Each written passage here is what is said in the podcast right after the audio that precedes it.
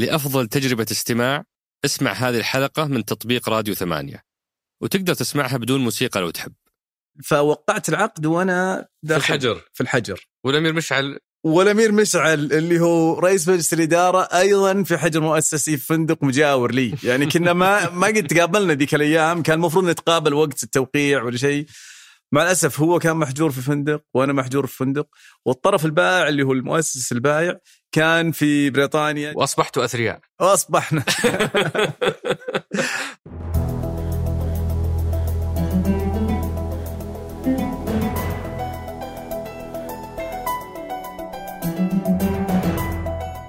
هذا سقراط من إذاعة ثمانية وأنا عمر الجريسي أستضيف قادة التحول وقادة الأعمال وقادة الرأي وأسولف معاهم عن مستهدفات ومستجدات رؤية السعودية 2030 ضيف حلقتنا اليوم هو الأستاذ عبد العزيز العمران الشريك المؤسس والمدير التنفيذي لصندوق امباكت 46 بالإصدارات المختلفة ضيفنا اليوم هو معاصر لمرحلة ما قبل الرؤية في منظومة الاستثمار الجريء وسولفنا عن كيف شكل القطاع في هذه المرحلة، إيش اللي اختلف اليوم آه، على مستوى الفرص الموجودة، عددها، جودتها، الدعم الحكومي والتسهيلات.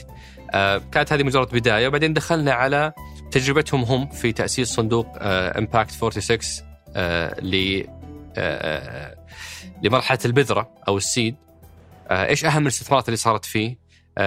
كيف حققوا 400% عوائد في هذا الصندوق خلال آه، فترة قصيرة آه، وبعدين تكلمنا على قصة جاهز هم كانوا المستثمر الأكبر في جاهز آه، ما قبل فترة الإدراج والطرح في السوق.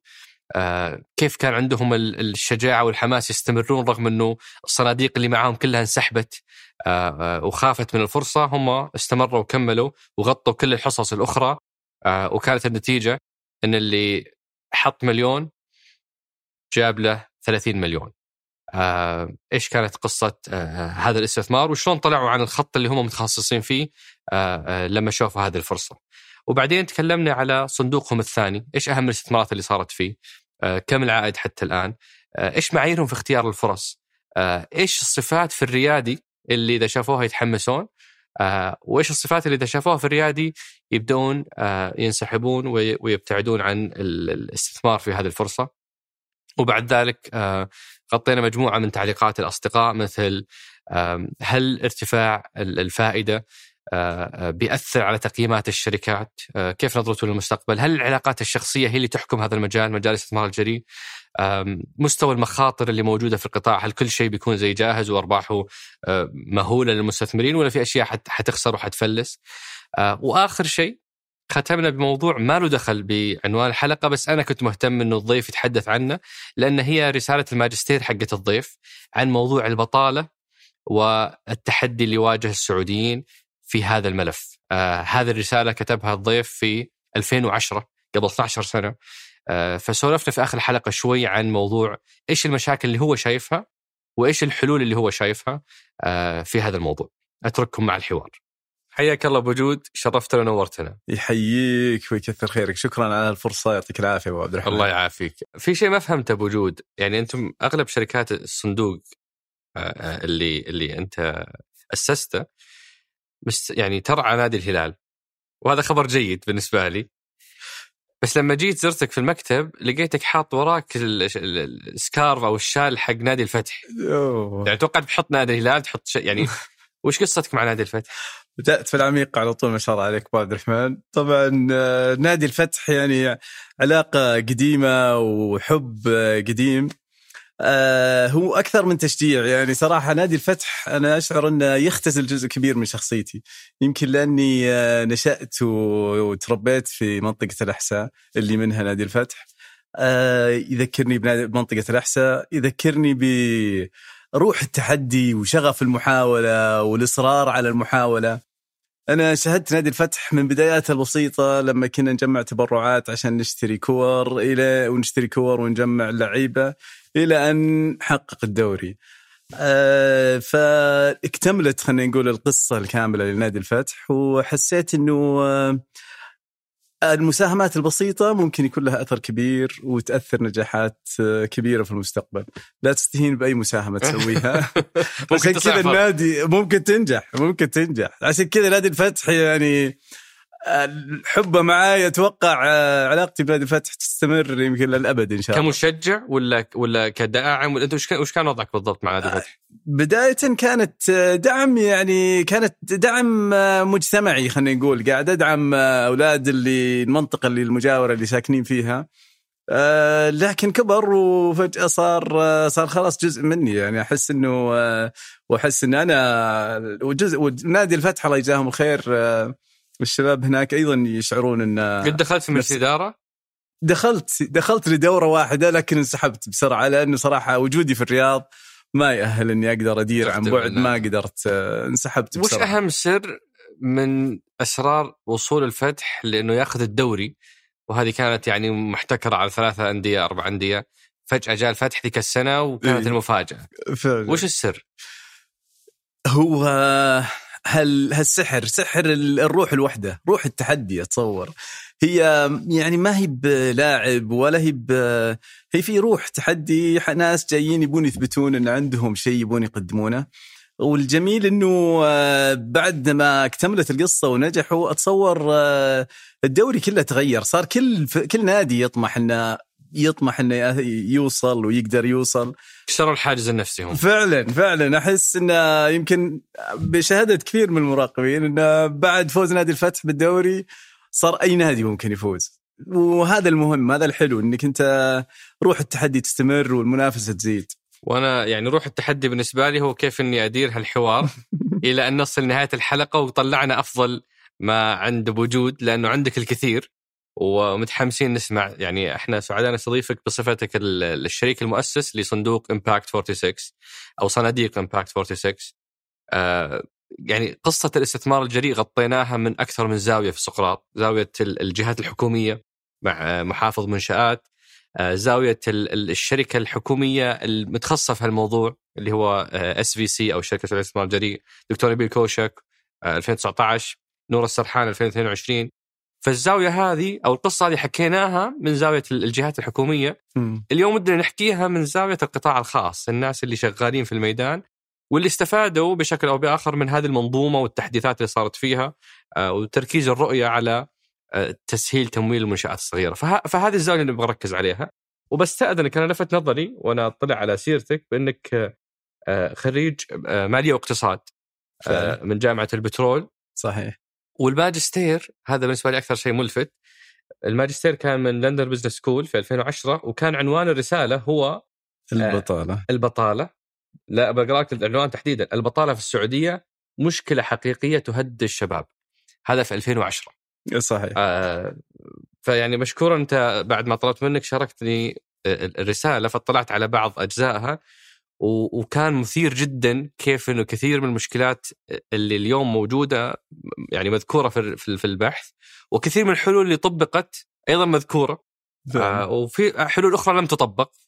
فبستاذنك وإن كان مو بهذا موضوعنا في آخر الحلقة ممكن شوية نسولف عن عن هذه آه عن عن قصتك مع مع البطالة واهتمامك بهذا الملف. بس قبلها ودي نبدأ بال آه، بمشهد الاستثمار الجريء. يعني أنت كنت رئيس مجلس إدارة عقال.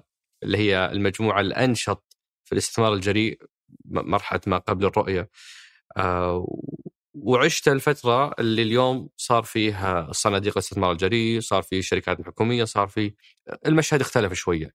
لو تلخص لنا مشهد الاستثمار الجريء قبل الرؤية وبعد الرؤية. يعطيك العافية أبو عبد الرحمن على المقدمه. أه مجموعة عقال أنا أشوف انها مثال كويس تظهر لك جوانب مختلفة من اللي صاير في مشهد الاستثمار الجريء. إذا تذكر وأنت كنت معنا يمكن أحد الأعضاء وشهدت بعض الأحداث اللي بذكرها بدأت المجموعة في 2011 كنا ننظم لقاءات ونحاول نجمع بين رواد أعمال ومستثمرين. آه، كان في لقاءات دورية كل ثلاث شهور أو شهرين. كان في السنة إذا قدرنا ننهي يعني استثمار أو استثمارين نعتبره إنجاز, إنجاز. يعني إنجاز. السنة الماضية آه، أظن تعدت الاستثمارات 33 استثمار السنة الماضية لحالها. يعني أكثر من اللي تسوى في السنوات اللي قبل كلها. آه هذا يعطيك كذا لمحة عن آه النشاط اللي صاير. أتصور اللي كان قبل آه مسيطر يعني خلينا نقول قبل بدايات البرامج هذه آه هو بعضها اجتهادات شخصية وكان في بالذات في في الشركات الناشئه تحديدا آه كان اللي اللي نشيطين فيها مستثمرين أجانب عندك صناديق تجي من دول مجاورة، شركات أوروبية، شركات أمريكية تجي تستثمر. آه، فزي ما تقول المجتمع كان خارج هل يعني قد ما كنا نحاول نشارك في هالاستثمارات آه، كانت المنظومة يعني معظمها خارج المملكة فما كنا مطلعين على كل المعلومات، أنا شخصيا حاولت أستثمر في ذيك الفترة آه، لكن ما ما توفقت. يمكن الاستثمارات اللي سويتها كانت أشبه بتبرع من إنها استثمار يعني راحت آه، كلها في فترات بسيطة. آه، لكن أقدر أقول المشهد تغير بدأ يتغير بعد عودة سمو ولي العهد من رحلة أمريكا. أمريكا. 2018 بالضبط. رجع بعد عودة سمو ولي العهد إذا تتذكر أبو عبد الرحمن أطلق مبادرة صندوق الصناديق صحيح جدة حتى قبل ما تسمى جدة كان اسمها صندوق الصناديق أذكر كثير من المراقبين كانوا يقولون وش صندوق الصناديق هذا؟ وش ما حد كان فاهم وش. حتى بعض المسؤولين كنت أتكلم معاهم ما كان أحد فاهم. بس آه، هي نقطة هي الشعر بداية يعني الفتيل خلينا نقول اللي من بعدها بدأت تتحرك المنظومة. وهذيك هذيك الزيارة إذا تتذكر كان آه، كانت زيارة مطولة وزار أظن أربع أو خمس آه، مدن وولايات وكان تركيز على الشركات الناشئة فعلا. والتقنية تحديدا كان في زيارات لأكثر من شركة. فعلا. آه وبعدها شفنا تحركات في موضوع ال fintech آه، صحيح. السعودية تأسست وال sandbox بدا وبعدين STC Pay wallet وبدينا نشوف العجلة تتحرك زي ما تفضلت. بس وش علاقة هذا؟ إيش اللي تغير فعليا على أرض الواقع بعد هذه الزيارة؟ أتصور إذا على أرض الواقع أنا شخصيا أشوف إنه نشاط شركة SVC الشركة السعوديه للاستثمار الجريء آه، كان الأبرز والأو ويمكن أول جهة كانت في المقدمة في الحركة يعني آه، وهي بالمناسبة يعني دور SVC كان له دور أساسي في إنشاء Impact 46 أساسا. آه، إحنا إنشئنا على وعد من SVC قالوا إحنا بنلتزم ب 70% من صندوقكم الأول. توكل يعني توكلوا على الله استمروا أسسوا. آه، فهم اللي شجعونا أصلا إن نأسس ولا كان في تردد وفي تخوف يعني؟ أتصور آه، أول فرق واضح بالنسبة لك هو موضوع ال ال ال توفر التمويل توفر دعم الصناديق. أكيد. آه آه هذا فرق. آه إيش فرق معاكم في موضوع؟ وقلت لنا عن موضوع عدد الفرص. يعني في عقال كنا كل كوارتر ولا كل ربع نشوف أربع فرص ويعني بالفرازة الواحد يلقاهم. اليوم يمكن آه، أنتم استعرضتوا مئات الفرص صحيح. وصلت للآلاف. فعدد الفرص قاعد صحيح. يتغير. طيب جودة الفرص. وش, وش الفرق اللي حسيته في جودة الفرص اللي كنا نشوفها آه، في فترة سابقة واللي قاعدين نشوفها اليوم؟ مع توفر التمويل آه، طبعا أكيد ارتفعت الأسعار. لما ترتفع القيم تبدأ آه، تجذب مواهب من من كل مكان. عشان كذا تحسنت الفرص. يعني اللي كان يعمل في قطاع ثاني حتى موظفين حكومة تركوا وظائفهم قال خلني أسس شركة ناشئة يمكن أقدر أحل مشكلة كبيرة. موظفين بنوك صحيح. موظفين حتى ناس من دول مجاورة. ترك الدولة قال أبجي المملكة واضح أن فيها تمويل. خلينا صرنا مغناطيس للمواهب للمواهب والعقول المفكرة اللي تجي تساعدنا وتشاركنا في حل التحديات اللي نواجهها.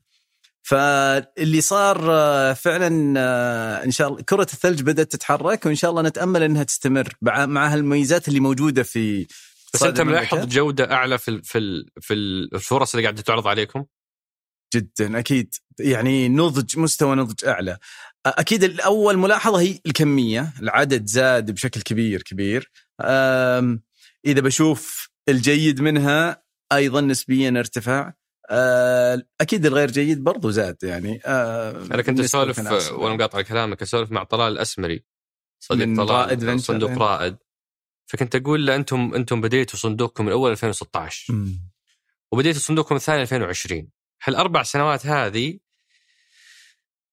قل لي أهم فرق لاحظته قال على طول حتى ما فكر كثير ما أخذ وقت قال أول وأهم فرق ملحوظ ما بين المرحلتين 2016 ومرحلة 2020 هو جودة الفرص اللي تعرض علينا قلت له هذا كلام نظري عطني تفاصيل أكثر. قال لي تلاقي اليوم سابقا يجيك العرض في فكرة. أي صحيح. في نموذج عمل في صور الفريق وطريقه بسيطة بدائية. اليوم تلاقي في تعمق في موضوع حجم السوق. آه، ال- ال- الأفكار المشابهة في العالم صحيح. آه، استخدامات هذا التمويل كيف فعلا. بتكون آه، نوع الفريق وجودة الأسماء الموجودة. يعني سابقا حتلاقي فقط مثلا جايب اثنين من من أصدقائه يثق. فيهم حيشتغلون مع بعض. الآن تبدأ تتفاجئ إنه جايب واحد كان يشتغل في أمازون وثاني كان يشتغل في كريم وثالث وقاعدين يسوون الشركة. فيقول جودة الفرص ارتفعت بشكل هائل. وهذا بطبيعة الحال آه، يخلق آه آه تأثير حتى على الأقران.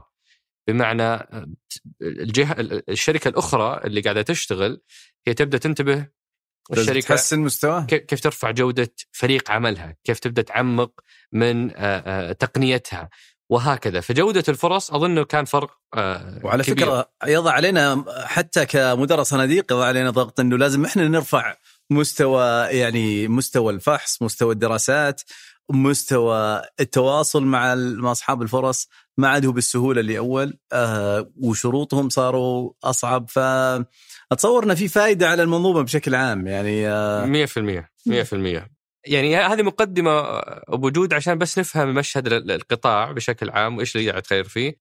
انا ودنا ندخل يعني بشكل أعمق ل Impact 46 صندوق Impact نفسه. ليش أول شيء ليش 46؟ 46 هي عمرك. لا لا. مو من الدرجه هذه. وصلت لسه باقي شوي نوصل بس كويس إنك سألت يعني دائما يجينا توقعت منك السؤال. إيه. 46 هو خط العرض اللي عليه مدينة الرياض. ف الرياض تقع على 46 درجة شرق خط الأساس.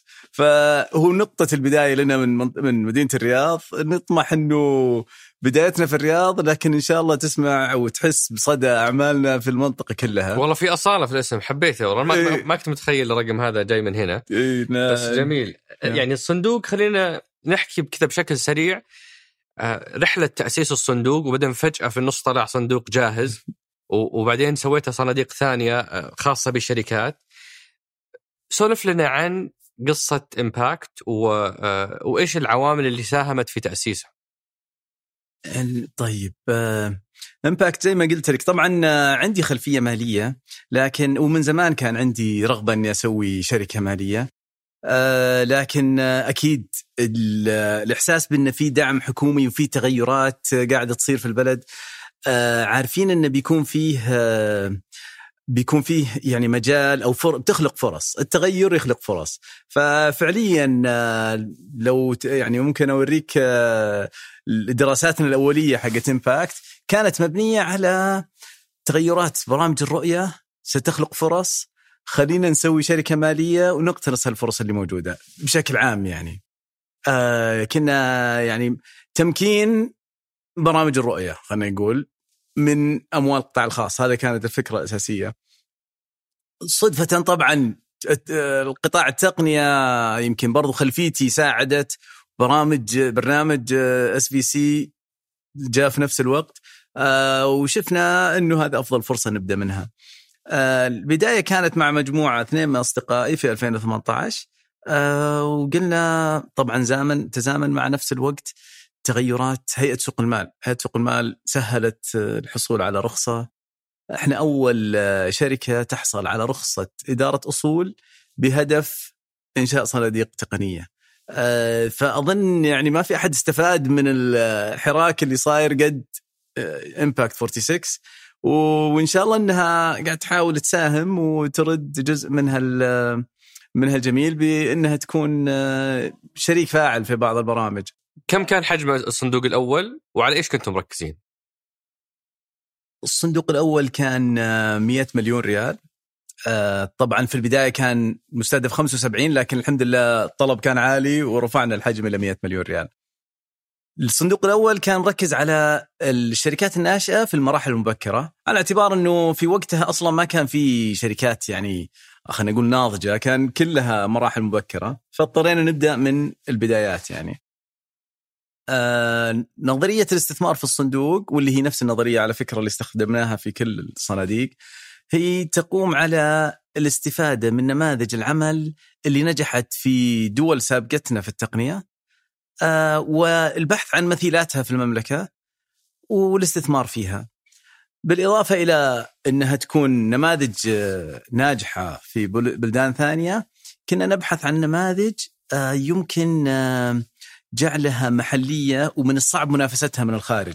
فالشرط الأول شيء نجح برا نبي نقلده هنا. صحيح. الشرط الثاني شيء يصعب إنه يكون منافستة من الخارج يعني نبغى شيء بسهولة إي نبغى شيء محلي بشكل كبير ف وقلنا نبغى يكون حجم الفرصة كبير أه فحدينا النماذج إلى الشركات اللي المليارية اللي وصلت إلى أه unicorn. مستوى unicorn فعلا حديناها بنماذج هذه. اللي وصلنا له إنه أه بيكون 40% من تركيز الصندوق على التقنية المالية بأنواعها. بعدين 30% من الصندوق بيكون على الخدمات السريعة اللي كان اللي هي أي خدمة. وتعريف الخدمة السريعة اللي هي أي شيء يجيك خلال سنة خلال ساعتين نعتبره خدمات سريعة, سريعة. إي. آه و30% الثانية هو نماذج آه منصات التسويق. اللي هي تعتمد على عدة أطراف يتوا يعني يتوائمون بالذات منصات اللي تحل مشاكل محلية يعني في بعض الخدمات المحلية يعني. آه وبدأنا.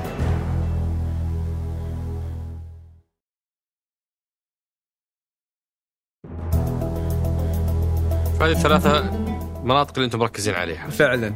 آه وطبعا آه، في أول استثمار وش كان؟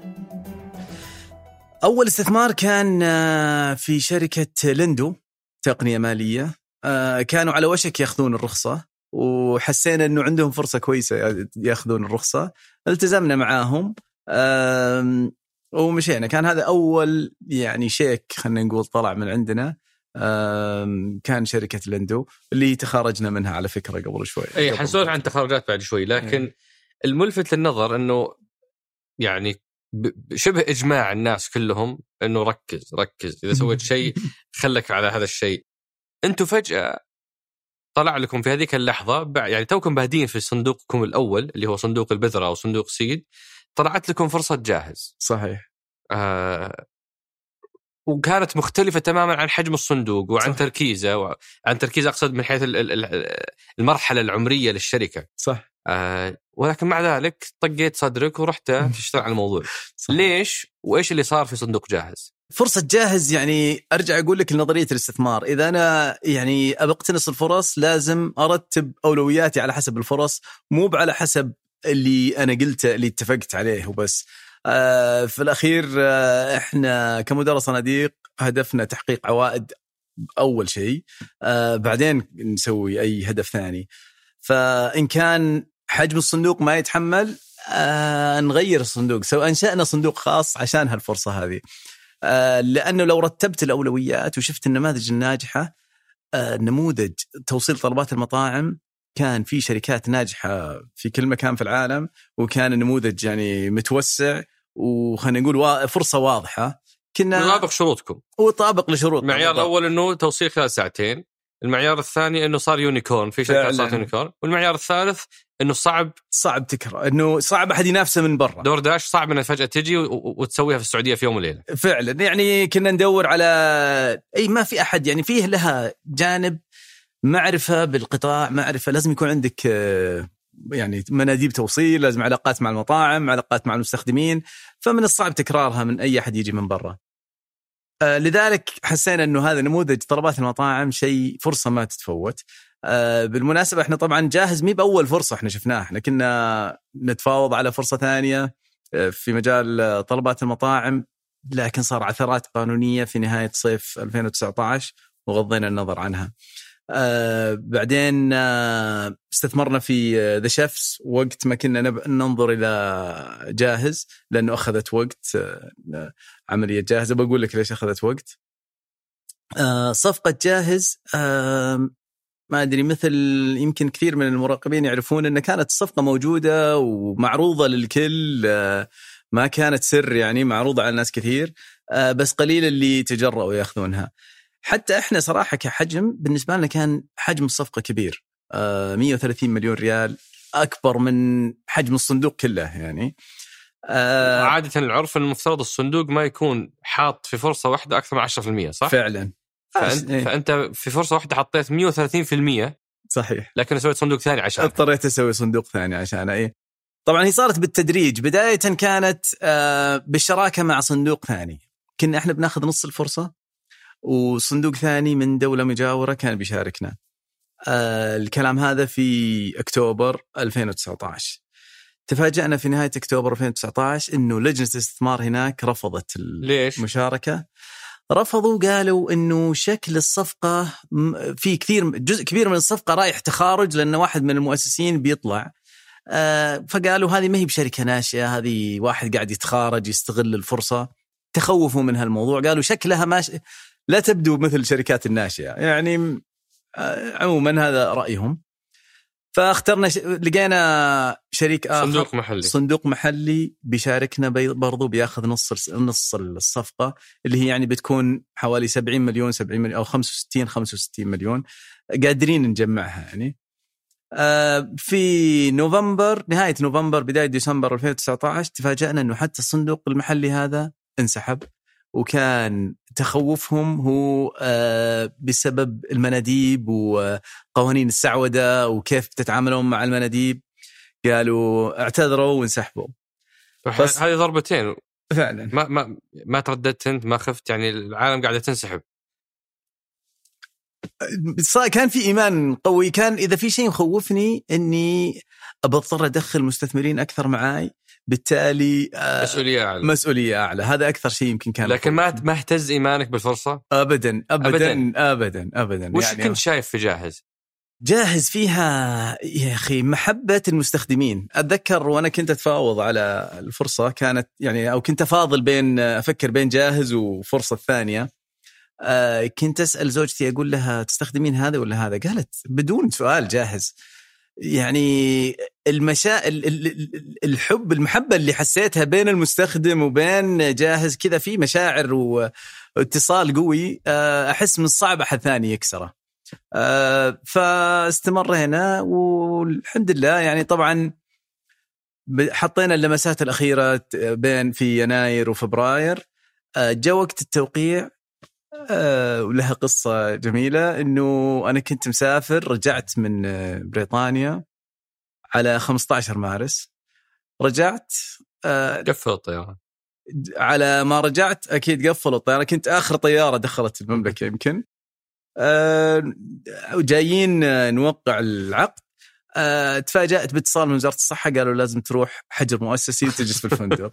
طبعا بداية حجر مؤسسي ماني فاهم حسيت إنه واحد بيأخذني سجن ولا شيء. آه، لكن أكيد رحت الفندق و آه، فوقعت العقد وأنا في داخل الحجر. في الحجر. والأمير مشعل والامير مشعل اللي هو رئيس مجلس الإدارة أيضا في حجر مؤسسي في فندق مجاور لي، يعني كنا ما ما قد تقابلنا ذيك الأيام، كان المفروض نتقابل وقت التوقيع ولا شيء. مع الأسف هو كان محجور في فندق وأنا محجور في فندق، والطرف البائع اللي هو المؤسس البايع كان في بريطانيا جالس آه، أظن ما يبغى يرجع عشان موضوع الحجر وكذا. آه، فالطريف إنه كل الثلاث أطراف كل واحد محجور في مكان وبدون ما تقابلنا بدون ما نشوف بعض اضطرينا نوقع عن بعد لكن آه، أكيد كانت صفقة كم- تاريخية كم كم آه، يعني حصلت على نسبة نسبة كم من من جاهز؟ الصفقة حجمها كان حوالي 130 مليون ريال آه، واللي الاستحواذ على 40% من الشركة آه، فحصة كبيرة من الشركة يعتبر بالذات آه، يعني خارجة عن عادة الصناديق الجريء استثمار الجريء صحيح. عادة ما يس ما يشترون اشتريتوا آه، آه، 40% ب 130 مليون. صحيح. هذا يجعل تقييم جاهز؟ حوالي 340 300. أو شيء. 340 مليون. نعم. آه وبعد ال ال ال ال الاستحواذ هذا إيش اللي صار عشان إلى إلى لحظة التخارج؟ اللي صار طبعا نمو ما توقعناه ابدا آم، في موضوع آه، ال- ال- ال- lockdown يعني فترة الحجر فترة الحجر. زاد. الطلب على ال... زاد الطلب بشكل كبير كبير ما تخيلناه. يعني إحنا وقعنا العقد في 18 مارس كانت آه، فترة آه، تقلبات ما هو باين صح. حتى يعني لسه بالعكس كل شيء طايح الأسهم طايحه الدنيا طايحة. كان فترة يعني مروعة فعلا. اقتصاديا. حتى كثير من المطاعم كانوا ما يقدرون يفتحون طول الوقت يفتحون إلى العصر أظن ويغلقون. اللي الحمد لله تبين خلال فترة بسيطة إنه جاهز بيكون لها دور كبير في يعني خدمة هالمواطنين خدمة عدد كبير من الناس اللي وتو- توصل لهم آه، متطلباتهم واحتياجاتهم. وفي يعني طبعا قصص كثيرة حول هالموضوع. آه، لكن لما وقعنا فعليا كان في خلني تخوف خلينا نقول. ما إننا متأكدين بالضبط كيف بيكون ردة الفعل. لكن الحمد لله كان آه، يعني نتائج نمو مبهرة يعني. تضاعفت النتائج عشان أعطيك فكرة عن النمو وكثير منها طبعا بيانات نشرت. آه، تضاعف ال- ال- النشاط ثلاث مرات في آه، 2020 وبعدين ثلاث مرات ثانية في 2021 فيعني ثلاثة في ثلاثة يعني حوالي عشرة أضعاف. من يوم إحنا استثمرنا على أساس 2019 آه، حجم اللي هو كان آه، مجمل المبيعات حوالي 500 مليون. في نهاية 21 المبيعات حوالي 5 مليار صارت. واو. لأنه ثلاث أضعاف بعدين ثلاث أضعاف ثانية. آه، هذا نوع ال- النمو اللي يصير في الشركات الناشئة.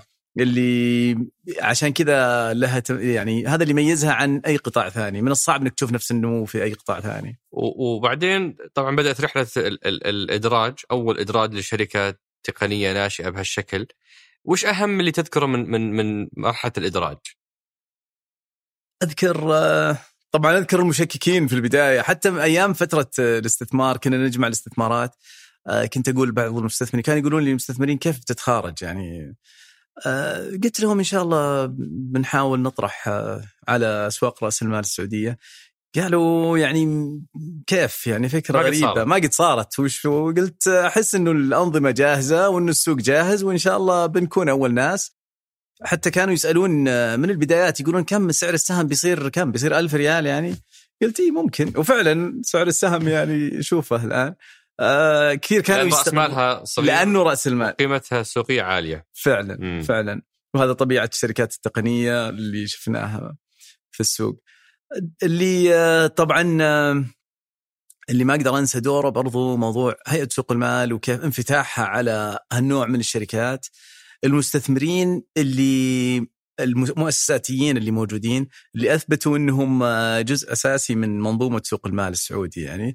آه، اتصور لو حاولت تسوي نفس الطرح في أي سوق مجاور لن تلاقي نفس الدعم اللي موجود. والدعم جاي من المستثمرين المؤسساتيين اللي هم اللي خلينا نقول اللبنة الأساسية في أي طرح والشركاء جاهز كيف كان دعمهم للخطوه وتسهيلها؟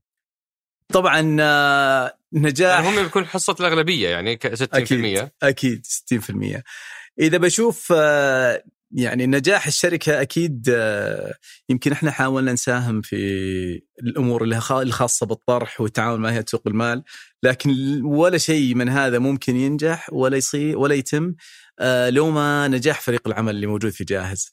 فريق العمل هو اللي هو اللي حقق النمو المبهر هو اللي آه، قدر آه، ياخذ الشركة في وسط أزمة كورونا ويستفيد من الأزمات. كان مؤسس قاعدة صلبة للشركة آه، قادرة تستفيد من أي فرصة تجي قدامها. طبعا على رأس هالفريق أكيد سمو الأمير مشعل بن سلطان رئيس مجلس الإدارة اللي هو يعني كل يوم في الشركة واللي هو روحه آه، موجودة في الشركة في كل أطراف الشركة. وطبعا الأستاذ غصاب المنديل آه، المدير التنفيذي وحمد البكر مدير التجاري للشركة. كل هالثلاثة خلينا نقول هم أسرة جاهز اللي آه، تشكل القلب النابض اللي بنت الشركة. في الأخير ما في طرح بينجح لو الأرقام ما تساعد لو فريق العمل ما يساعد. كل أي طرح تعرف مبني على المستقبل على فريق العمل على الأصول المو- على هالتقنية اللي موجودة في الشركة اللي ما أقدر أقول إن لي اي لنا أي دور فيها كإمباكت. إحنا الدور اللي قمنا فيه لا يتعدى آه، كوننا يعني داعمين نشجع ندعم آه، نجيب نشاركهم أفكار آه، نماذج أخرى لكن أكيد فريق العمل له يعني الفضل الأكبر في نجاح الشركة لو حطيت مليون ريال في صندوق جاهز كم تسوى اليوم؟ أو عشان ما نقول اليوم السوق يتغير، كم تسوى وقت الإدراج المليون حقتي؟ وقت الإدراج كانت آه، حوالي يمكن 24 مليون آه، المليون حقتي بتجيب 24 مليون وقت الإدراج. تقريبا منها 22 مليون كاش و22 أسهم يعني باقيه لك في مرة الشركة. ثانية كم؟ حوالي 2 مليون ريال كاش كاش كتخارج يعني. فرجع لي 100% مباشرة الآن. كل المساهمين رجعت لهم 100 صحيح. 200% 200% رجعنا. 200% وباقي عندهم أسهم بما يعادل حوالي 22% 22 مليون. فهذه في- بلغتكم 24 ضعف؟ صحيح. وإذا بحسب سعر السهم اليوم أظن يمكن حوالي 30 ضعف. 30 ضعف. صحيح. فالمليون جاب 30 مليون. صحيح. صحيح. أكثر وأكثر شوي بعد. واصبحتوا أثرياء. وأصبحنا.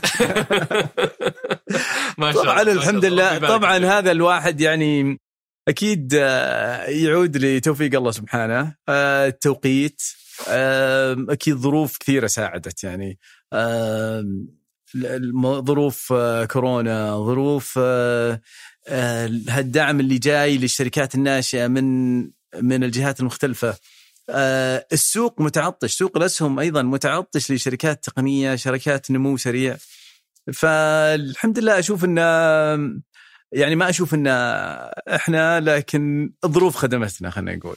هذا الجانب المشرق من الاستثمار الجريء إنه أنت تحط مليون وتصير 30 30 مليون. آه وبكذا قفلنا قصة صندوق جاهز اللي هو كان كذا فجأة صندوق طلع على جنب صح. لشركة واحدة. وهذه نهاية قصتها في موضوع التخارج أول تخارج في في السعودية بهذا الشكل. نرجع للصندوق الأول اللي هو صندوق البذرة أو صندوق سيد ال 100 مليون ريال.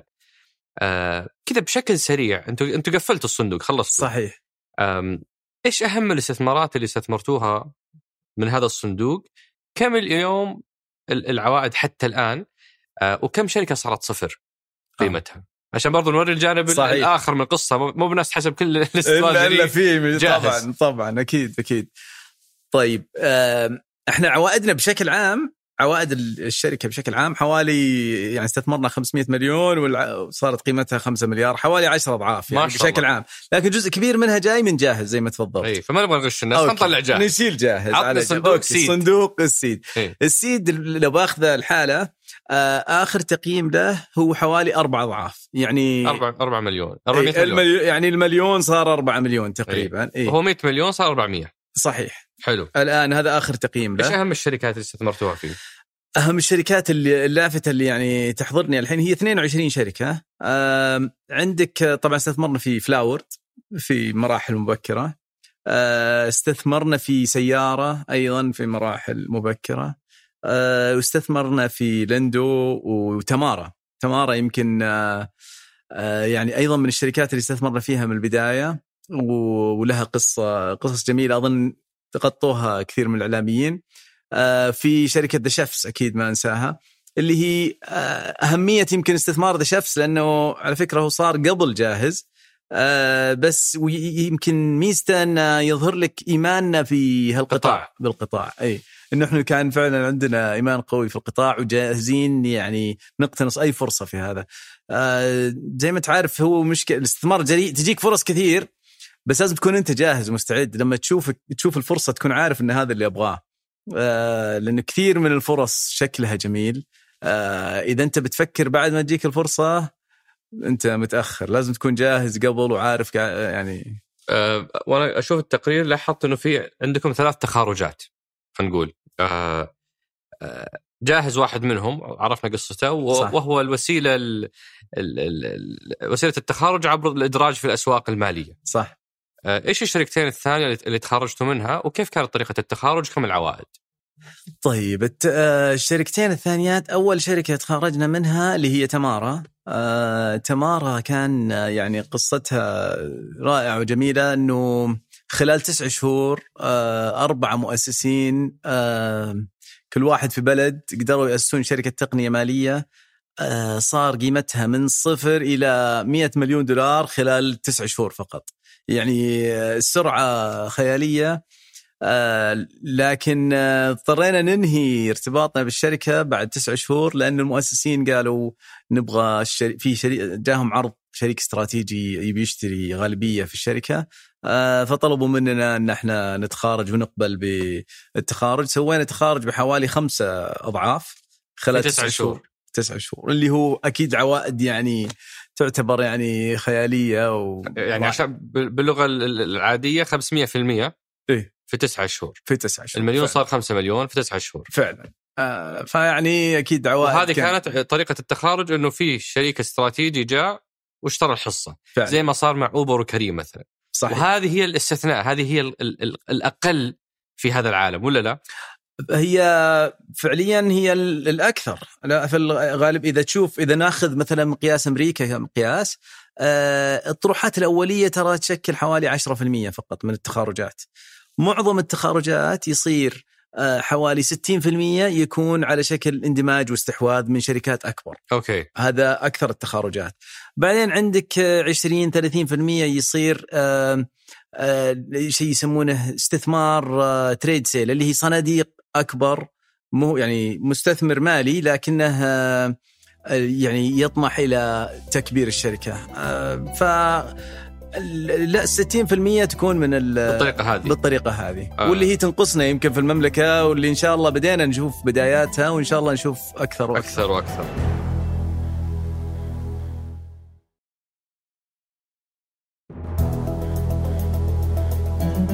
هذه اللي هي تمارا وما شاء الله عبد المجيد يعني أسطورة. أنا أتذكر آه، لما سولفت معه أول ما بدأ كانت فترة كورونا وكل شيء عن بعد وكان يوريني التيم حقه.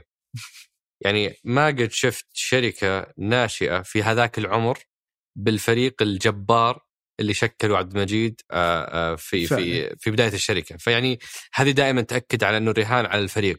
فعبد. المجيد ما ما بخل ابدا في الموضوع هذا وقدر يجيب مواهب. وأظن خدم موضوع كورونا إنه كل قاعد يداوم في ديرته فأتذكر الفريق كان فيه يمكن سبعة ثمان جنسيات فعلا وهم لسه في أول آه، كم شهر من من من فعلا. عمرهم تذكر لما قد قلت لك كنا نتكلم مرة أقول لك أفضل طريقة لتغيير شكل الاقتصاد هو من خلال رواد الأعمال إيه، والشركات. الناشئة مثال عبد المجيد الصيخان في تمارا أنا أشوف إنه يعني مثال رائع لكيف نقل التقنية نقل الخبرات. كان عنده مؤسسين في من ألمانيا وناس في تايلاند وناس في السعودية وناس في لندن ودبي. كل واحد في بلد آه لكن كلهم يتعاونون على سا... علشان بناء حل تقني داخل المملكة.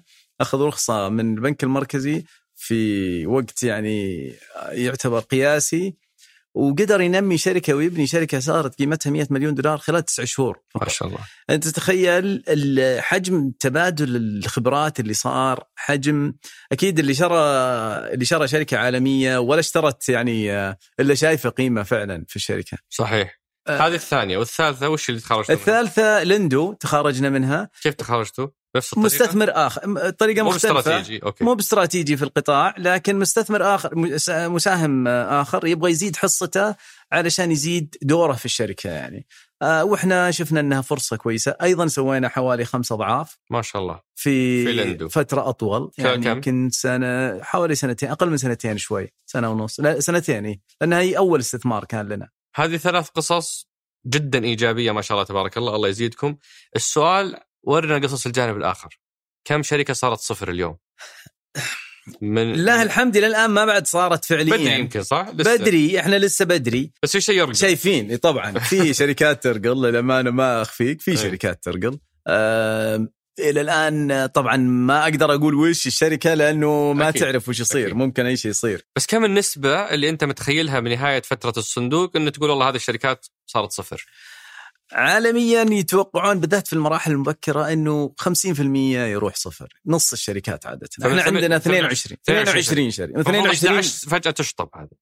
يعني, يعني عشان- جاهزين نس- نفسيا. عشان توقعات الناس أنا أقصد انه يعني الواحد ما ودك دائما بس ينقل صورة إيجابية فنص الشركات هذه يعني لو ممكن. أنا لو أنا حظي سيء وما استثمرت في جاهز أنا مستثمر في شركة إكس هذه اللي هي من ضمن ال 50% فاحتمال إنه يكون صفر. فعلا. آه، اللي حطيته يروح بدون أي مقابل. ولا في أصول والله تقول تبي تسيلها تبي تبيعها. أبد. هي خلاص. خلاص راحت. وانتهينا.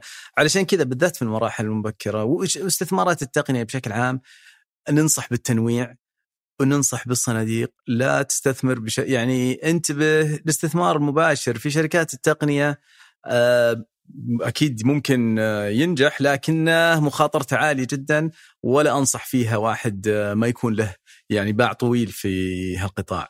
وبعد هذا الصندوق أنت سويت الصندوق الثاني اللي هو امباكت 46 growth صحيح. اللي هي المرحلة المرح- المرحلة ما بعد ال seed. آه، بشكل سريع عدد الشركات أهم الاستثمارات العوائد إلى الآن لأنه أنتم هذا قفلتوه تقريبا. صحيح. هو إلى الآن فيها ثمان شركات. هو استكمال ل خلينا نقول ال- ال- ال- الفراغات اللي نشوفها في آه دورات الت- جولات التمويلية. آه شايفين فرصة من اطلاعنا ونضج السوق نضج الشركات اللي قاعدة تصير آه قاعد يتحسن. قلنا وبالذات إنه في منافسة كبيرة في المراحل المبكرة. آه رأينا إنه مراحل النمو أقل منافسة وفيها فرص أفضل. وإن شاء الله عوائد أفضل ما بعد بينت. آه، الصندوق كيف عوائد أفضل؟ المفترض إن عوائدها أقل لأنه ريسكها يعني أقل. نسبيا آه، يعني مع تصحيح المخاطره أكيد عوائدها أقل أوكي لكن مع التصحيح لأن لكن حجمها أكبر اي لو تصحح نسبة المخاطر آه، أكيد إن شاء الله تكون عوائدها أفضل. الصندوق صار له سنة من يوم أغلقناه إلى الآن آخر تقييم له حوالي مرتفع حوالي 85% يعني تقريبا تضاعفت القيمة. أيضا أنا أشوف إنها يعني عوائد عالية ممتازة. يعني بالنسبة لعمر الصندوق عالية آه، إن شاء الله نستمر ونحافظ على هال آه، يعني هالتاريخ ال- هالعوائد المرتفعة وش آه، اهم استثماراتكم في الصندوق؟ في طبعا استثمارين آه، في عندنا نعناع كان أول استثمار وعندنا فلاورد أيضا جولة جولة أخرى سويناها مع فلاورد آه، ولاحقنا برضو جولة أخرى مع سيارة. آه، عندنا برضو استثمارات في هوم سمارت في آه، المنيوز آه، في هلا. هلا طبعا آه، المشكلة كل شركة لها تستاهل. قصة أي. ودي أعطيها مجال أنا خايف إني آخذ من وقت المستمعين ولا آخذ من وقتك. أنا يمكن أقترح بما إنك ذكرت هوم سمارت لو نأخذها كمثال ونوضح فيه سلسلة القرار عندكم. بما أنها يعني شركة ما ما, كانت موجودة في الصندوق الأول فهي فجأة طلعت على الرادار. صح. فالسؤال هو أنتم تواصلتوا معها ولا هم قدموا عليكم؟ هذه الخطوة الأولى. بعدين إيش إيش المراحل اللي تمرون فيها إلى لحظة الاستثمار وما بعدها؟ عطنا السلسلة بكذا بشكل سريع. طيب. إذا بأخذ هوم سمارت آه، تحديدا هي جت من خلال أحد الأصدقاء تواصل معي قال عندنا هالشركة استثمرنا فيها ونشوف طلع عليها فرصة حلوة. آه، فما قدموا علينا بشكل عادي من خلال صديق. ولا أنتم وصلتوا له تواصلتوا لأن أنت عندك team برضو يتابع صحيح. القطاعات ويدور الشركات. صحيح. أوكي. إحنا عندنا أربع مراحل للاستثمار اللي هي إيه، يعني إذا بختصرها بشكل آه، سريع عندنا الاستكشاف والفلتره الأولية بعدين عندنا التصويت فريق الاستثمار بعدين عندنا الدراسات والفحص المرحلة الثالثة والمرحلة الرابعة هي لجنة الاستثمار اللي فيها أعضاء من الخارج اللي هم يعني يعطون ال ال- ال- الإذن الأخير للاستثمار. فجاتنا هوم سمارت عن طريق أحد الأصدقاء آه، في الاجتماع الأسبوعي ناقشنا الفكرة آه، اجتماع يوم الثلاثاء. اجتماع يوم الثلاثاء المشهور. إي عندنا حياك الله اللي تبي تشاركنا يوم الثلاثاء. أي ثلاثاء؟ بجي وآخذ سعي. ثلاث. بجي وآخذ سعي على كل الصفقات اللي صوتوا عليها. أهلا وسهلا أي. وقت ابدا. تسلم. أم، بداية عادة يكون فيه في وقت اجتماع التصويت هذا يكون فيه شخص أه، مهتم بالفرصة أكثر من غيره. هو اللي يتبناها. هو اللي يتبناها بالضبط. وفعلا ال- النموذج آه، هوم سمارت قائم على سوق الأثاث اللي هو سوق إحنا شايفين أمثلة كثير له يونيكورنز برا وفيه يعني ينطبق عليه كل شروطنا. لكن مع الأسف ما لقينا شركة محلية نشيطة في نفس المجال. آه، شركة سعودية يعني. آه، لأني أحب انوه إحنا صندوقنا آه، يشترط إن 80 80% من من الاستثمارات تكون شركات سعودية. عشان كذا ما نستثمر في شركات غير سعودية إلا بشكل يعني محدود مرة ويعني إذا اضطرينا. آه فهوم سمارت نشيطة في مجال الأثاث آه قدروا يغيروا يخلقون بدأوا بمصر وتوسعوا في السعودية قدروا يخلقون نموذج بالضبط النموذج اللي نبحث عنه اللي هو من المصنع إلى المستهلك بشكل مباشر. كان لهم دور كبير إذا بشوف نشاطهم في السعودية هنا. يمكن بعرج على تفاصيل النموذج ويمكن فوائد هالنوع من الشركات على الاقتصاد بشكل عام. آه راحوا لي لما جو السعودية حبوا يشتغلون هنا راحوا لمصانع الأثاث آه المحلية. قالوا لهم أنتم متعودين تستنتظرون مناقصات حكومية عشان تسوي أثاث مدارس ولا أثاث مستشفيات. إيش رأيكم؟ إحنا نعطيكم تصاميم لقطع أثاث إحنا متأكدين إن المستهلك السعودي يبغى يرغب فيها وأنتم تصنعونها وإحنا بنسوي لكم قناة البيع. آه وبدأوا بعض المصانع تفاعلوا وبدأت والآن يعني في فترة وجيزة حجم النشاط في السعودية صار يعني يضاهي حجم نشاطهم في مصر اللي هم بادين فيه من أكثر من سنتين. آه لو تفكر في هالنموذج هذا وش سوى؟ خدم المصانع اللي كانت تشتكي من آه المناقصات الحكومية ونقص مارجن قليل ولا أيوه. لقى له صاروا يبيعون مباشرة هم. صار يبيع مباشرة ما عاد صار ينتظر. خدم معه ما عاد. ينتظر المناقصات. بالنسبة للمستهلك المحل صاحب البيت السعودي أو رب ربة البيت صارت تلقى جودة عالية بسعر ممتاز منافس. وصناعة محلية وش أحلى من كذا يعني. ف رائد اعمال هذا طبعا القصة هذه قاعد يرويها المتبني للمشروع قاعد قاعد يحكيها لكم في الاجتماع التصويت هذا. فعلا. كذا قاعد يشرح لكم الأرقام القصة الفكرة حقت المشروع. فعلا. بعدين تصوتون. نصوت. وإذا صارت الأغلبية إيه ينتقل المرحله الثانية. مرحلة الدراسة الفحص. والفحص صحيح. حلو. مين يسوي الدراسة والفحص؟ فريق داخلي. إذا كان طبعا إذا كان الاستثمار صغير ممكن من وقت يعني أقل من 500 ألف ريال ممكن من وقت التصويت مباشرة يتم الاستثمار بدون دراسات إضافية. لكن هوم سمارت من الاستثمارات الكبيرة يعني. فاضطرينا نروح لل... نستكمل الخطوه وش يهمكم في الدراسة؟ نست... شوف أول حاجة طبعا معلومات السوق نتأكد من حجم السوق آه وإنه يعني لا يكون حجم السوق ما يكفي آه هو أول حاجة بعدين فريق العمل بعدين آه المؤشرات المالية للشركة والشغلة الأخيرة هي آه شروط الاستثمار نفسها يعني بالذات إذا بنقود الجولة إنه تكون آه شروط الاستثمار معقولة وتناسب يعني تطلعاتنا في العوائد.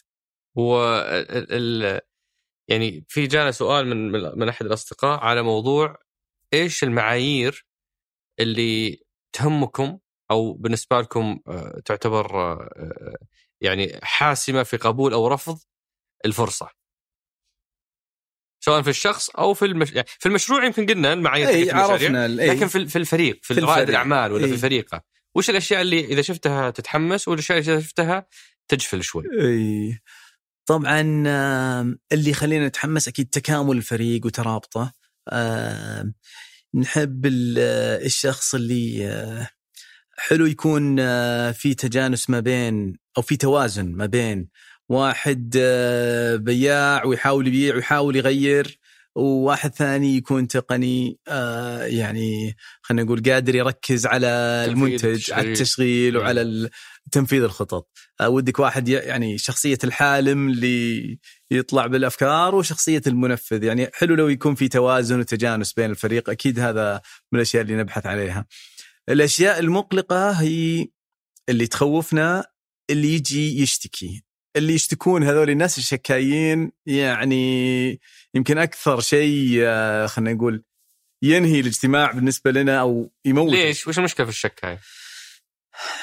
الشكاي بيستمر دايم شكاي يدور على المشاكل. والرحلة مليانة عقبات وتحديات فعلا. ما حتوقف الشكاوى. فعلا فعلا. هي يعني الشكاي البكاي هذا هو أكثر شخصية يعني تخوفنا خلينا نقول و...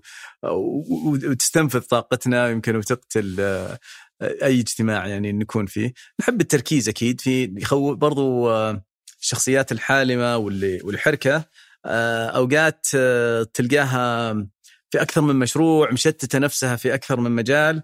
آه، نركز كثير على الت... أو نحب اللي مركز يعني. آه، يقلقنا الناس اللي آه، عنده أكثر من صنعة طبعا. فهي توازنات. في الأخير آه، أنت قاعد يعني تقيم بشر لن تقدر لن تستطيع أنك تكون يعني آه، دقيق وأكيد تقييمك بيكون خاطئ. لكن تحاول تقرب الاحتمالات. وهذا هذا طبعا كلنا قاعد نتكلم عن الصندوق الثاني كم كان حجمه؟ 250 مليون تقريبا 250 مليون نعم. الصندوق الأول 70% دعم حكومي الصندوق الثاني كم الدعم الحكومي؟ صفر صفر صفر من وين جبت 250 مليون؟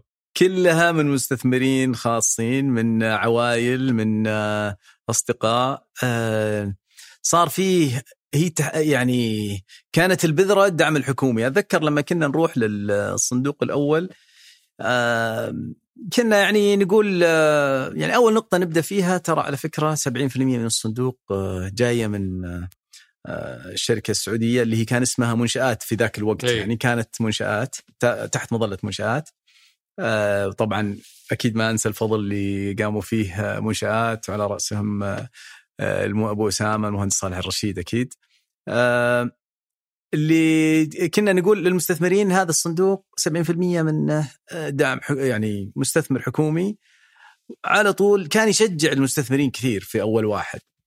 ونقول لهم إنه جاي آه، جاي صندوق الصناديق بيجي آه، ضخ كبير في القطاع. آه، سهل علينا صراحة كثير آه، قصة آه، بيع الصندوق. آه، في الصندوق اللي بعده لقينا طلب كبير وسرعة تفاعل مو طبيعية من يعني كان حجم المستهدف آه، 100 و يعني 150 مليون قفلنا على 250 مليون. لأنه بدون أي مشاركة بدون حكومية. أي مشاركة لا حكومية. صندوق الصناديق ولا SVC ولا ابدا. مرة. ابدا. أوكي. يعني كان فيه طلب عالي وال المستثمرين يعني لا تخاف عليهم آه، يحسون بالفرصة يعني. أكيد. شعروا آه، يمكن آه، تذوقوا يمكن نجاحات مع الصندوق الأول وصندوق جاهز. ودخلوا بحماس وشيء فعلا. أكبر. فعلا. إيه. وشايفينهم مستمرين يعني. إيه فعلا. وهي ثمان شركات في في صندوق اثنين. نعم. آه، وال- والعائد حتى الآن 85% صحيح. وهو لسه مبكر هو يقاس العائد بعد خمس سنوات ثمان سنوات. المفروض. صحيح. هذا تو أكمل سنة تقريبا. أوكي. خلال سنة إنك تسوي الملفت للنظر بوجود إنه أنت طريقتك غير في الصرف. أنت يعني حار. صحيح. الناس تصرف على خمس سنوات أو فترة ال- الاستثمار أو ال deployment تكون عادة على خمس سنوات. مم. أنت تجلد أم ال fund في سنة سنتين. وش السر؟ ليش؟ والله هي يمكن ما أدري جاية من خلفية ال- المستثمر المضارب ما أعرف والله وش اللي من وين جاية خلفية لكن ال banker اللي فيك المفترض يكون يا- أكثر حذرا إيه. وأكثر تمهلا والله غلبت جينات. آه، رائد الأعمال يمكن المستثمر. غلبت الجينات والله والفريق يعني لاحظ حتى لو أنا بعدين ما شاء الله حجم الفريق عندنا إذا أنا قل الحماس يقوم شخص آخر يكون متحمس فإلا ما يكون شخص متحمس على فكرة وقادر يقنعنا أو إذا قدر يقنعك آه، في الأخير يعني بس ما تحس إنك؟ ظلمت الصندوق أو المستثمرين لما أنت تحصرهم في فرص مرتبطة بزمن معين، يعني جزء من استثماري معك إنك أنت تقتنص الفرص حقت الفترة.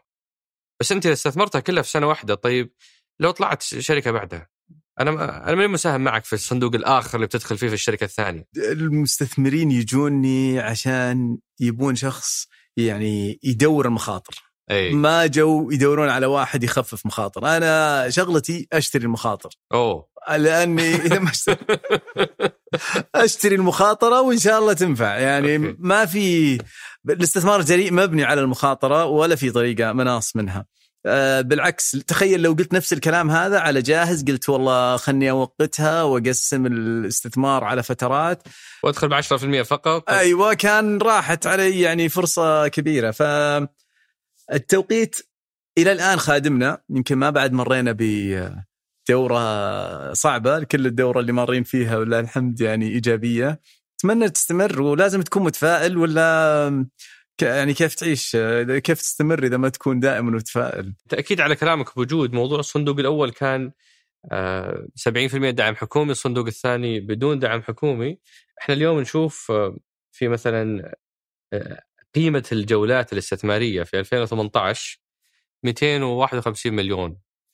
آه، آه، في 2021 تعدت مليارين. صحيح. ومساهمة SVC فيها هي 300 مليون فقط. فأنت تتكلم على إنه فيه قطاع قاعد يتحرك بالشرارة هذه والناس بدأت رؤوس أموالها تدخل آه، بدون دعم حكومي. فصراحة هذا مؤشر إيجابي إنه إنه السوق تحرك. ودي أختم أنا وجود ب طيب وين رايحين؟ آه، إيش ال إيش ال الجديد في امباكت؟ هل بنشوف إدراجات جديدة؟ وش الشركة القادمة زي جاهز اللي اللي في محفظتكم نتخيلها في السوق؟ هل في صناديق ثانية بما أنك قفلت الصندوق الأول والثاني؟ هل في صندوق ثالث؟ عطنا بس بشكل سريع إيش المرحلة الجاية؟ طيب آه بالفعل إحنا الأسبوع هذا يعني يتزامن مع أطلاقنا للصندوق الجديد اللي هو نسميه Impact 3.0 آه طبعا هو لا ما هو محصور على تقنيات. ويب 3 تقنيات آه، 3.0 لكنه آه، يتزامن ويعني يحتفل ب آه، هالتغير اللي قاعد يصير في ويب 3.0 آه، الصندوق آه، بيس- بيستمر على نفس النهج الصناديق السابقة آه، لكن حجمها أكبر وإن شاء الله إنه يمكننا من اقتناص فرص أكبر اللي نشوفها جاية قدامنا. آه، سؤالك عن الإدراجات واللي هو صراحة يعني زي ما قلت ميزة يعني تميز السوق السعودي آه، زي ما قلنا قبل ما هي موجودة ولا في أي سوق آه، في المنطقة آه، اللي هو جذب آه، إنه جاذب حتى لشركات التقنية. إحنا ما ما هو بسر إنه قاعدين نشتغل على إدراجين لشركات آه، من ضمن صناديقنا. اللي هي؟ الصندوق الشركة الأولى هي تأميني. شركة تأميني اللي هي شراء وبيع شراء البوالص آه، التامين آه، والشركة الثانية هي فلاورد آه، فلاورد بالمناسبة هي شركة يعني مختلطة خلينا نقول كان لها معظم نشاطها في السعودية لكن لها أنشطة في دول ثانية. قرروا إنهم يجمعون أنشطتهم كلها ويخلونها كلها مقرها السعودية آه، لأنه معظم نشاطهم هنا. وعشان يستفيدون من فرص التخارج اللي موجودة في السعودية ولا هي موجودة في المناطق الأخرى. ف يعني د- يشاهد على انتقال الشركات من الدول الثانية إلى السعودية. يمكن آه، إذا تحب أعطيك آه، فكرة أكثر عن تأميني برضو ممكن أعطي لو بشكل سريع. بشكل سريع. تامين لهم قصة جميلة إنه بدأوا هم في حو... في 2018 آه قدروا خلال سنة ونص يستحوذون على 40% من سوق بوالص تامين السيارات خلال سنة ونص. 40% من عدد بوالص تامين السيارات تطلع من تأميني. لو تعرف أي أحد في شركات التأمين تسألهم عن الدور التغيير الجذري اللي سووه يعني نقلوا الم- المستهلك اللي كان يروح من شركة لشركة من دكان لدكان يحاول يجيب تسعير التأمين. صرت بالتليفون على طول تاخذ التسعيرة وتختار البوليصة وتستخرجها خلال خمس دقائق بالتليفون تقصد يعني بال... بال... بالجوال يعني إي مو بالتطبيق. اقصد من. خلال يس.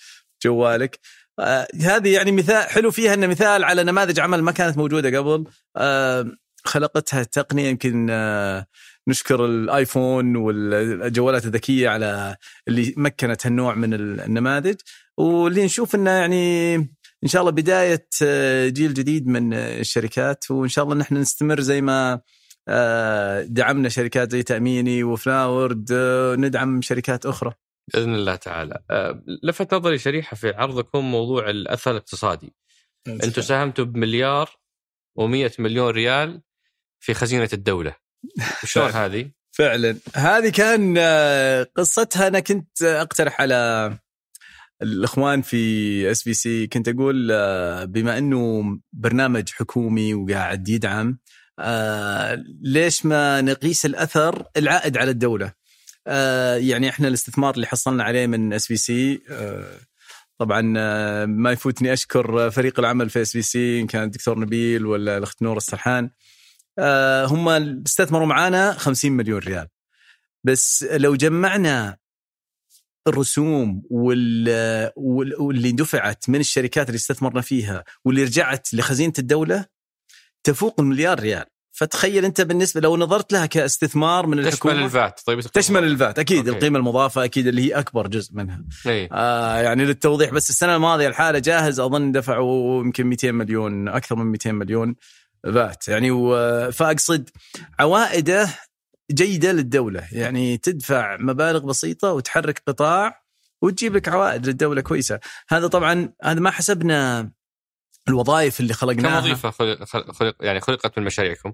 من كل المشاريع 2800 آه طبعا الميزه في هالوظائف هذه نوعية الوظائف يعني هي ما هي بس آه صح. أوقات الوظائف ما هي بس. ال... هذه وظائف مباشرة هذه وظائف مباشرة صحيح. ممتاز. وظائف مباشرة.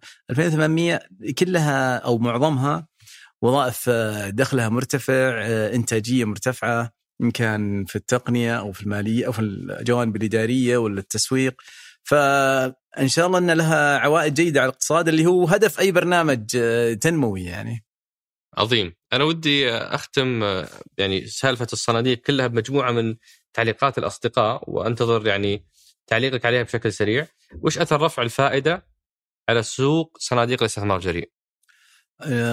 لها تأثير آه، هذا تحديدا السؤال مسموح لك إنك مو بشكل مختصر. لأنه لأنه, أثره- طويل شوي طيب لأنه أثره مهم أنا عارف. إي أكيد له تأثير كبير آه، على تقييم الشركات. لأنه الشركات هذه شركات النمو يعني متوقع عوائدها تكون على سنوات طويلة. ف معدل الخصم يتغير آه، فتأثيرها كبير زي ما شفنا الانخفاضات الكبيرة اللي قاعدة تصير في الأسواق العالمية أتوقع آه، أكيد بنشوف آه، تأثير لهالانخفاض بالتقييمات رواد الأعمال وش المفترض يستعدون له؟ تحزموا تحزموا التقييمات حتنخفض كثير قد يكون في انخفاض في التقييمات. ومدراء الصناديق وش المفروض يستعدون له؟ آه، طبعا فيه ضبابية لكن آه، فالواحد يعني يكون حذر أكيد. أتصور آه، في مراجعة للتقييمات.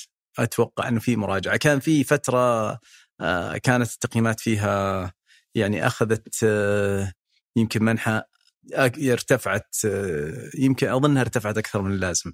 أوكي. هذا يقول من وجهة نظر من وجهة نظر شخصية بحتة أغلب الاستثمارات تتم عن طريق العلاقات والأصدقاء. آه هل تتفق؟ والله ما عاد أتفق. يعني هذا في السابق يمكن. آه ولا تحكم على فترات بسيطة كذا تجي طفرات اللي كل يتكلم في الفرص. آه لازم تحكم على فترة طويلة يعني. آه بعدين المشكلة اللي في حقة الاستثمار مشكلة الاستثمارات اللي تجي عن طريق الأصدقاء ما تعطيك فرصة للتنويع. آه مدير الصندوق آه أول شيء يعني محترف ومتخصص وأهم شيء في هذا القطاع هو التنويع مهما قلت إنك تعرف الشركة في الأخير تجيك مفاجآت آه، ما في حل لتخفيف المخاطرة إلا التنويع. وش تنصح الراغبين بدخول المجال؟ يعني نصيحة واحدة لواحد يبغى يدخل في مجال إنه يأسس شركة أو إنه يأسس صندوق. أقول ابدأ. ابدأ. الفرصة مواتية. القطاع يعني واعد. عندنا المملكة فيها يعني هذا ابدا لمين؟ للرائد ولا لمدير الصندوق؟ للاثنين. الاثنين للاثنين. أكيد ابدأ. السعودية المملكة بدأت ترى يعني نعتبر بدأنا متأخرين لكن في فترة وجيزة سابقنا دول المنطقة. الآن إحنا في المرتبة الثانية. ما استبعد إن إحنا نكون في المرتبة الأولى قريب. آه نمو القطاع واعد ولا تتردد. هذا حساب رائد أعمال لك عليه تعرفه؟ أكيد. يعني ساخر ودائما يطقطق. فعنده تغريدة يقول شركات الاستثمار الجريء 500 الشركات الناشئة 13 يعني ظاهرة إنه الصناديق صارت أكثر من الشركات نفسها. هل تتفق مع مع هالمشكلة؟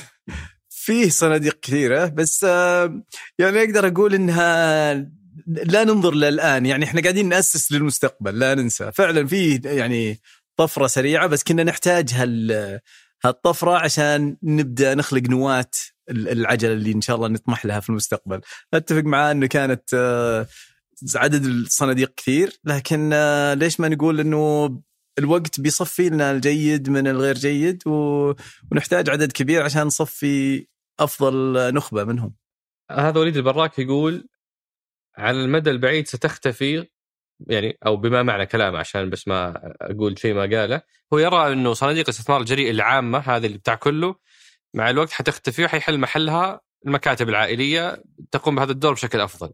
فأنت يا صندوق يا تكون متخصص في مجال ويكون عندك قيمة مضافة للي تستثمر فيهم ولا حتصير بالنسبة لرائد الأعمال يروح يأخذ من مكتب عائلي أحسن له، وش رأيك؟ ما أتصور. يعني أنا أتصور نحن لا نختلف عن الدول الثانية اللي سبقتنا. وإذا تشوف اللي حدث في دول ثانية سبقتنا كل ما لها تتطور الأمور وتصير الحاجة لمدراء صناديق أكثر وأكثر آه، ما فيه يعني المكاتب العائلية مهما حاولت ما تقدر آه، تلحق على كل القطاعات.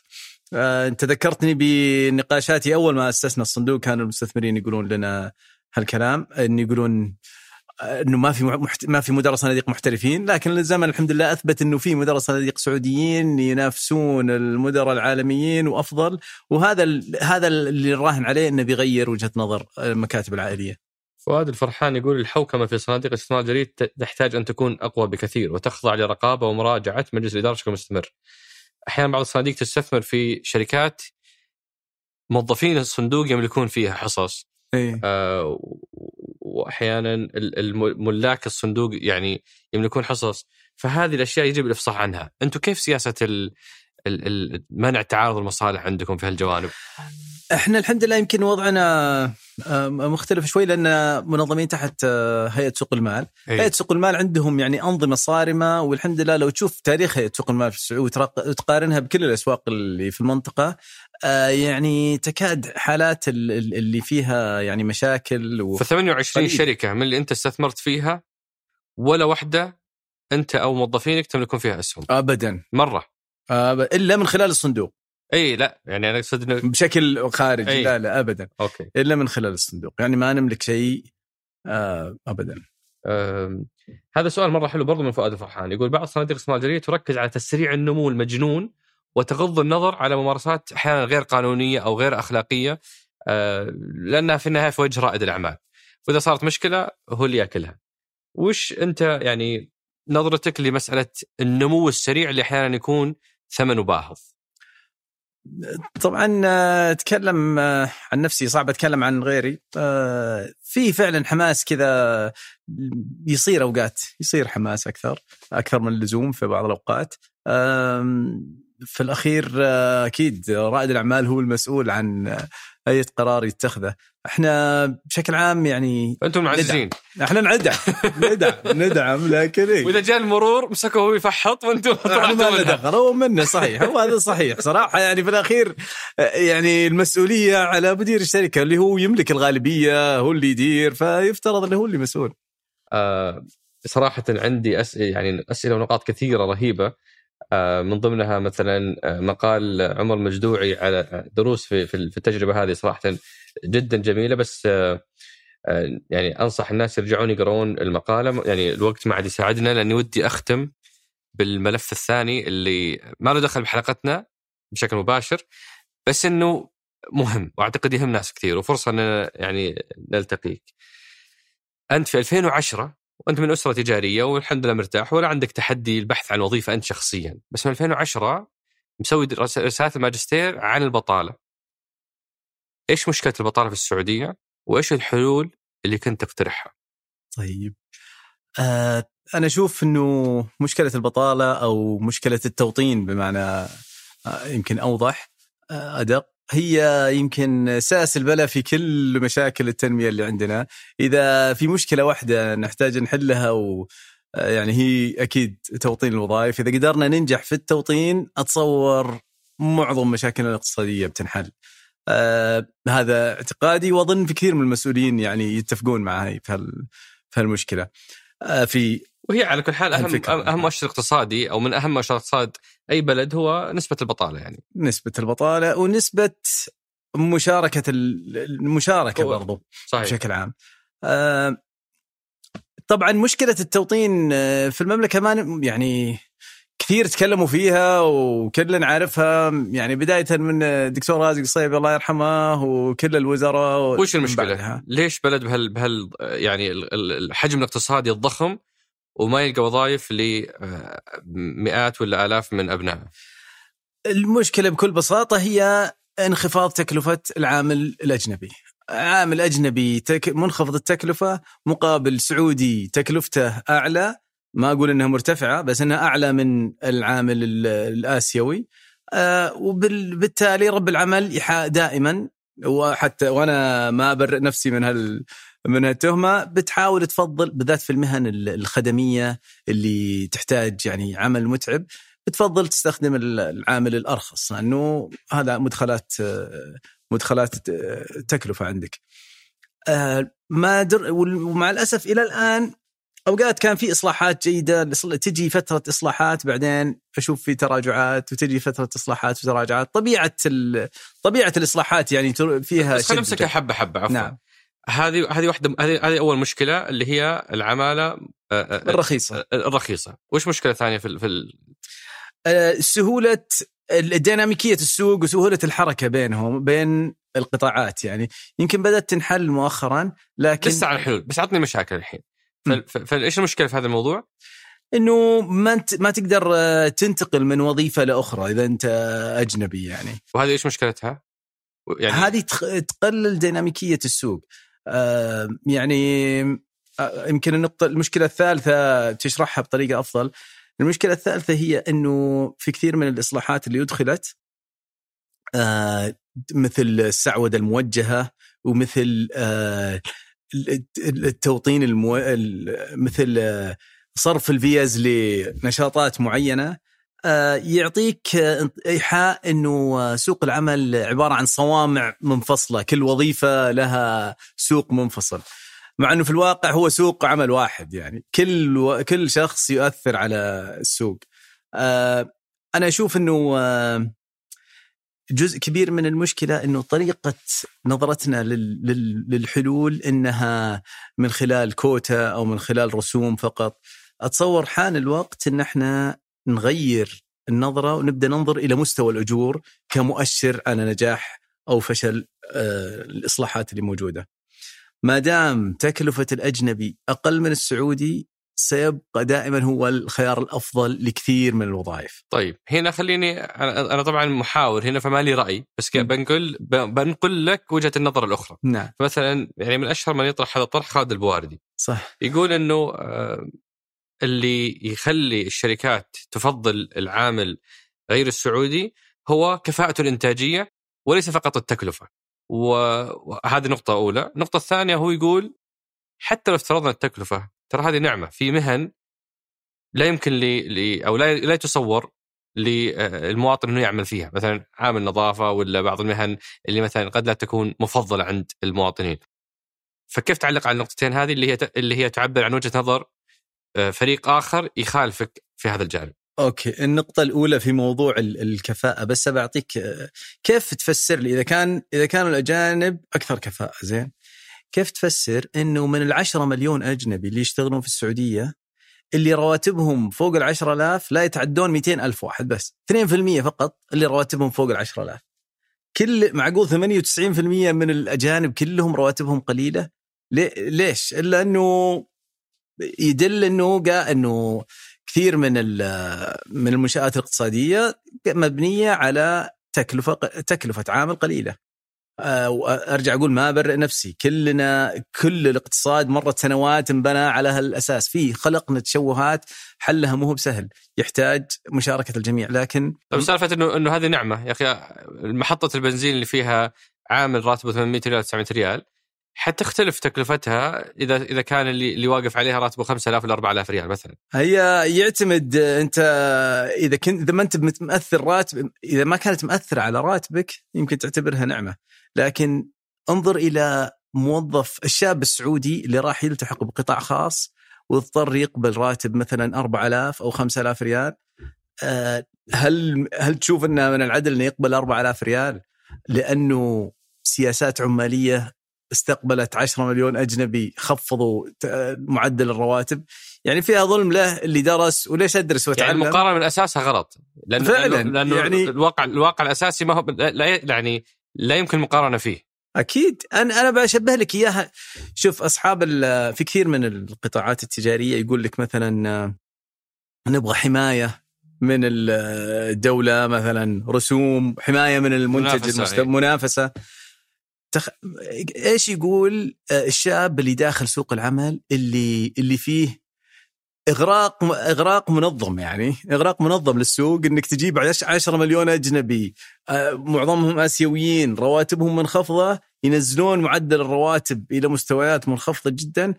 آه، كيف كيف كيف تجاوب إذا قال لك أنا أبغى حماية؟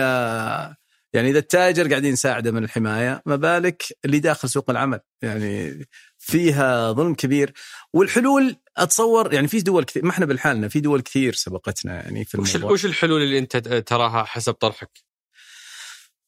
طيب أول شيء لازم نتفق إن ما في دولة تقبل إنك تستقدم علشان تكلفته أقل. زين؟ آه ما في إلا دول الخليج ترى في العالم اللي تقول لك آه مسموح تستقدم عشان تجيب عامل أرخص من اللي عندنا. آه في سنغافورة كان عندهم نفس المشكلة هذه وحلوها من حوالي 30 سنة.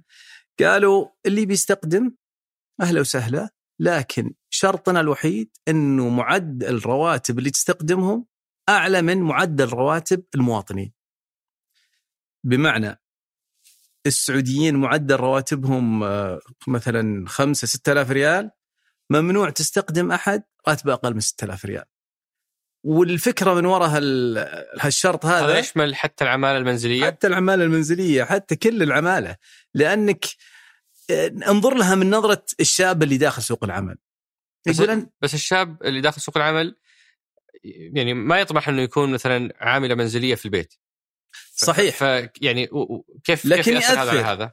أنت ضربت لي مثال حلو لو لو, لو تشير له. فعلا العاملة المنزلية لو أن إذا ما عندك عاملة منزلية يمكن تودي طفلك إلى الروضة اللي جنبك وتنفع السعودية اللي جالسة تشتغل فيه. لو ما عندك كذا خادم يمكن تحتاج كهربائي سعودي يجي يصلح لك أغراضك. يمكن تحتاج أحد يوصل لك أغراضك عن طريق تطلب سواق من طريق أوبر. كل شخص يعمل هو جزء من سوق العمل. يعني ما نقدر نفصل نقول والله هذه الوظيفة غير عن هذه الوظيفة كأنها أرجع أقول لك صوامع هي ما هي بصوامع هي سوق عمل واحد معدل أجور واحد.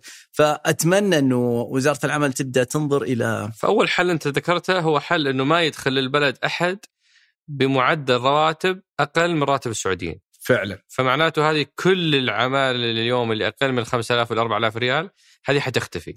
تدريجيا طبعا أنا ما أقول لك عشان إيه. ما حد يقول لي يمسكها علي إنه بس عشان أناقش الحل نفسه إنه وقتها طبعا التكلفة حترتفع صح؟ صحيح. طيب كيف تفسر التكلفة على مثلا الناس اللي يشتكون اليوم من أصلا يعني مستويات معيشية مضغوطة؟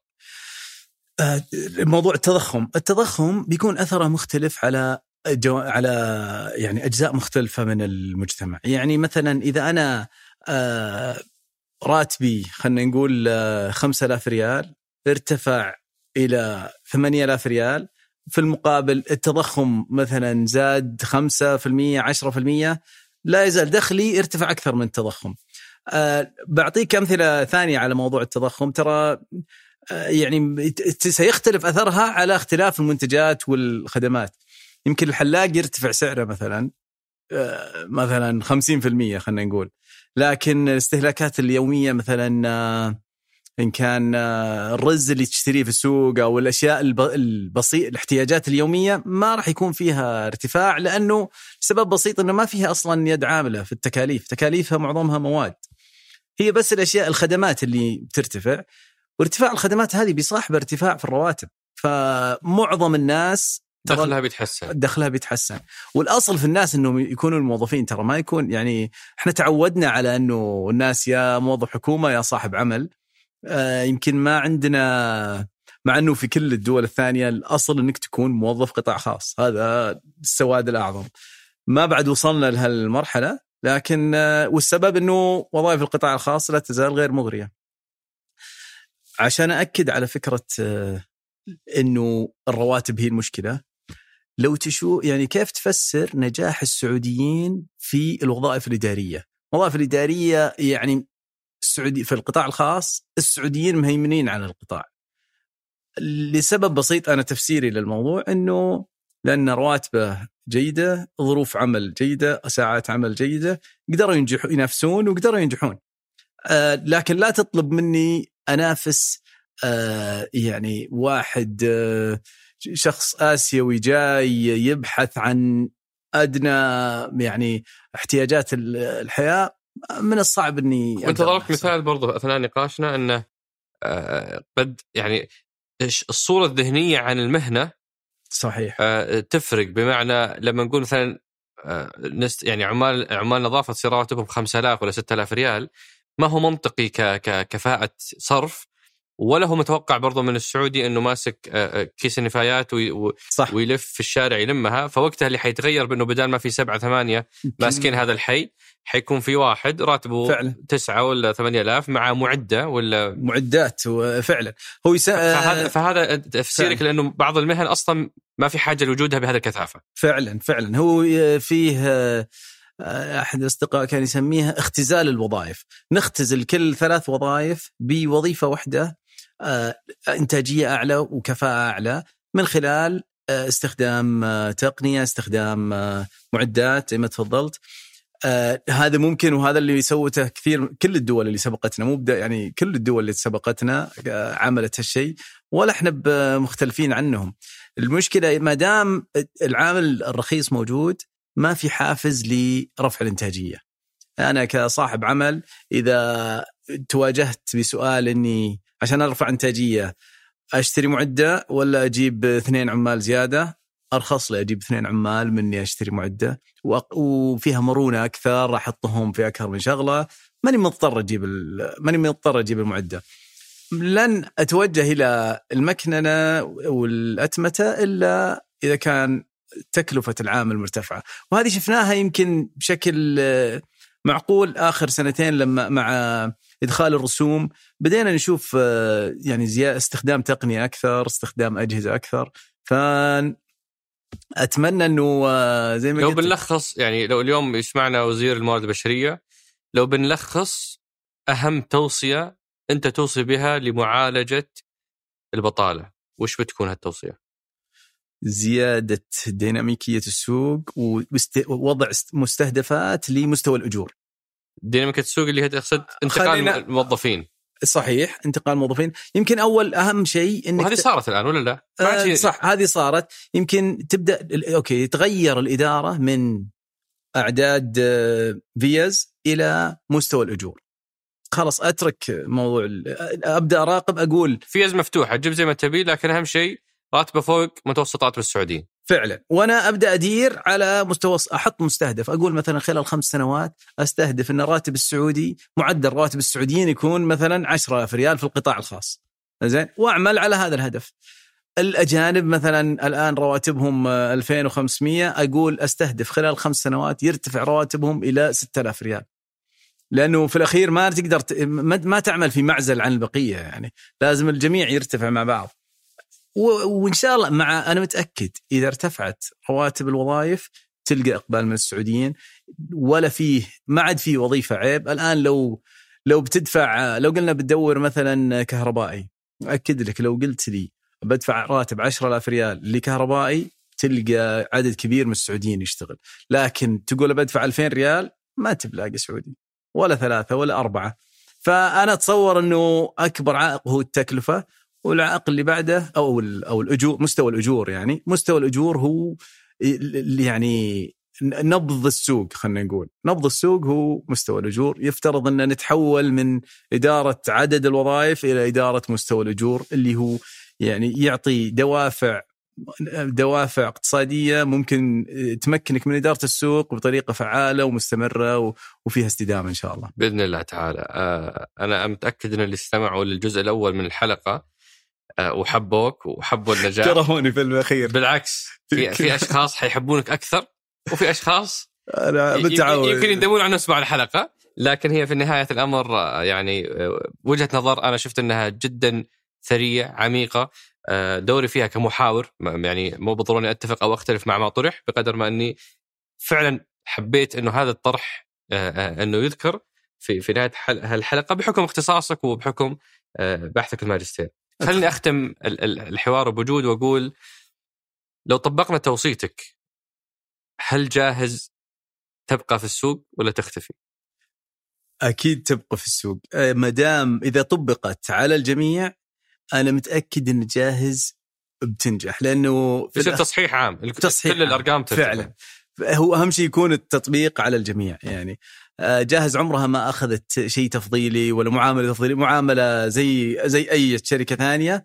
و أنا فيها كمثال طبعا يعني لقطاع يعتمد على العمالة الرخيصة. ما أقصد هي لها. تميزات عندنا مثلا شركة مقاولات إذا أو تطوير عقاري برضو يعني ما في أصعب من آه، قطاع المقاولات في صحيح. موضوع تحمل تكاليف ال- آه، تكاليف ارتفاع تكاليف العمالة. أنا متأكد لو طبق على الجميع بنلقى طريقة. إحنا رواد أعمال قادرين نعيد تعريف أنفسنا ونعيد بناء نماذج أعمالنا بالمعطيات اللي عندنا. أعطينا معطيات وخل عامل الناس بالتساوي متأكد إن رواد الأعمال بيلقون الحل. بإذن الله تعالى. أنا مبسوط بهالحوار.